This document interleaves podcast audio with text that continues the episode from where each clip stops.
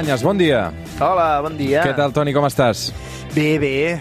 Una Ah. mica més de fred aquest cap de setmana, Home, ja no? tocava. Eh, El que passa és que avui via- viatgem a un país calorós com és Egipte. Allà aquests dies s'hi celebra la cimera de la crisi climàtica que ens té tots pendents mm, pel que s'hi juga bàsicament al planeta.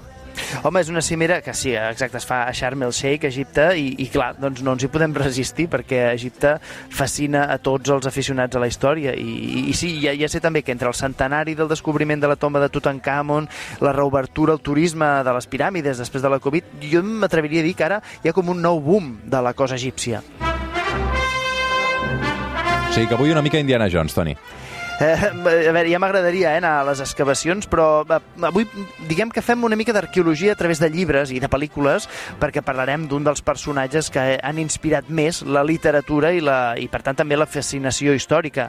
Cleòpatra, la faraona, la reina d'Egipte, segur, la, la més famosa de la història. Mm. Uh, I, de fet, um, aquests dies de Cleòpatra n'hem parlat. L'altre dia en sen sentia el, el Queco Novell al, al matí. Um, vull dir que justament uh, avui, d'alguna manera, Toni, el que farem serà reivindicar la figura política i intel·lectual de Cleòpatra? Sí, hi estic d'acord, sí, perquè eh, en Queco, com tothom, sempre parla de la vessant més diva del personatge, mm -hmm. però mira, avui, avui voldria parlar de la, de la Cleòpatra política, eh, la Cleòpatra setena, per començar, que és el nom que li hauríem de donar, de la, de, de la dinastia Ptolomeica. Clar, eh, com ens hem passat sempre amb la història, hi ha hagut una visió molt masculina que ha destacat doncs, el paper seductor de Cleòpatra. Eh, no sabem, per exemple, no hem explicat prou que parlava nou llengües o que sabia filosofia, que havia escrit llibres, sabia de ciència... No, només coneixem que va ser parella de dos emperadors romans, que era molt guapa i que era molt sofisticada. I, de fet, d'ella es deia que es banyava amb llet de burra per mantenir-se hidratada, que es posava talls de vedell a la pell per mantenir-se més fresca i, i, i més tersa. Home, I, i tot, si no sé si és llegenda urbana o realment és així, això. A veure, l'historiador Plutarc destaca també, per exemple, que va aconseguir enamorar Juli Cèsar eh, amb una de les grans entrades teatrals de la història. Com que Cèsar estava envoltat de la gent de la cort del seu germà petit i enemic de Cleòpatra, el faraó oficial, que era Ptolomeu eh, XIII, per arribar-hi, Cleòpatra es va embolicar en una gran catifa que li van fer portar com un regal a Cèsar. I quan van desenrotllar la catifa, de dins hi va sortir perfectament avillada i despampanant la mateixa Cleòpatra. Aquesta, de fet, és la banda sonora clàssica de Cleòpatra, la, la pel·lícula que protagonitzava aleshores Liz Taylor. Home, i aquesta escena crec que la tenim una mica al cap, no?, de com es desenrotlla la, la catifa i surt Liz Taylor allà, mm. impecable. Bé, Cleòpatra també va seduir Marc Antoni, successor de Cèsar, i ho va fer també presentant-se a la, diguem-ne, primera cita, eh, amb un vaixell amb una popa daurada, amb veles púrpures i rems amb mànecs de plata que es movien al compàs d'instruments. Ella portava un vestit brodat amb or, talment com si fos la deessa Afrodita. O sigui, m'estàs definint Cleòpatra com realment una seductora de cap a peus, Toni. Sí, sí, és que així és com ens ha arribat la seva imatge històrica fins avui. L'historiador romà Plutarc va ser el primer, però la brama de la bellesa de Cleòpatra ha sigut tan gran que ha eclipsat el seu paper polític, que va ser de primera magnitud. Fins i tot l'historiador francès Blas Pascal, al segle XIX, va dir allò tan famós de si el nas de Cleòpatra hagués sigut més curt, això hauria canviat el rostre de la història. Ahí va, va Babilonio que marea. Ahí va, ahí va, ahí vámonos pronto a Judea.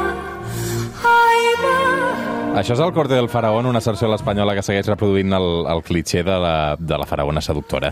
Eh, Sí, i és que, a veure, ara hem arribat al fons de la qüestió. Tu t'imagines que avui diguéssim que Churchill va aconseguir el suport nord-americà a la Segona Guerra Mundial no per la seva capacitat política, sinó perquè era guapo? Mm. O t'imagines que diguéssim que Napoleó guanyava batalles perquè era un sex símbol? Això no ho diríem mai. Per què? Perquè eren homes. Home, i que Churchill i Napoleó, mm, de fet, si eren una cosa, eren bastant lletjos, eh, i que de Cleòpatra sempre s'ha dit que era molt, que era molt guapa, no? Efectivament, en un món d'homes, com la Roma del segle I abans de Crist, Cleòpatra va fer servir les armes de què disposava, que eren també les de la seducció o, diguem-lo més clar, el, el matrimoni o l'infantament, perquè va tenir fills tant amb Cèsar com amb Marc Antoni.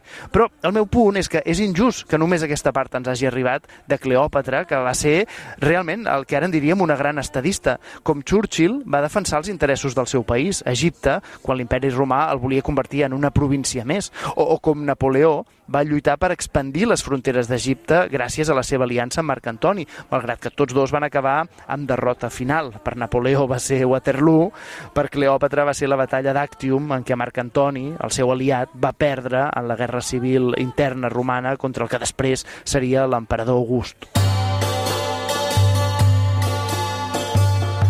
Toni, quin és el llegat que ens queda de l'Egipte de Cleòpatra?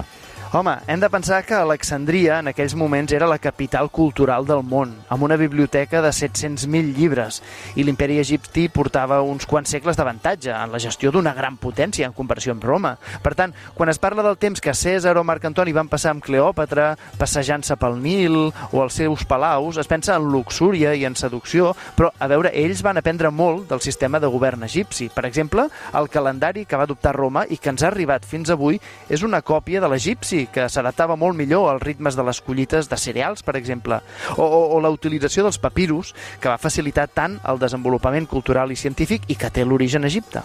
M'agrada molt tot això de despullar aquesta història convencional perquè avui, eh, de fet, Toni, el que hem fet és eh, despullar una mica el mite de Cleòpatra.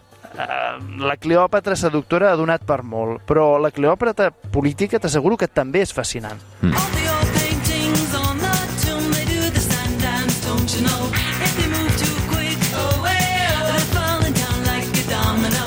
Walk Like an Egyptian dels Bangles, avui eh, per arribar a les 9 amb el suplement del Toni Cruanyes també. Toni, una abraçada. Vinga, bon diumenge.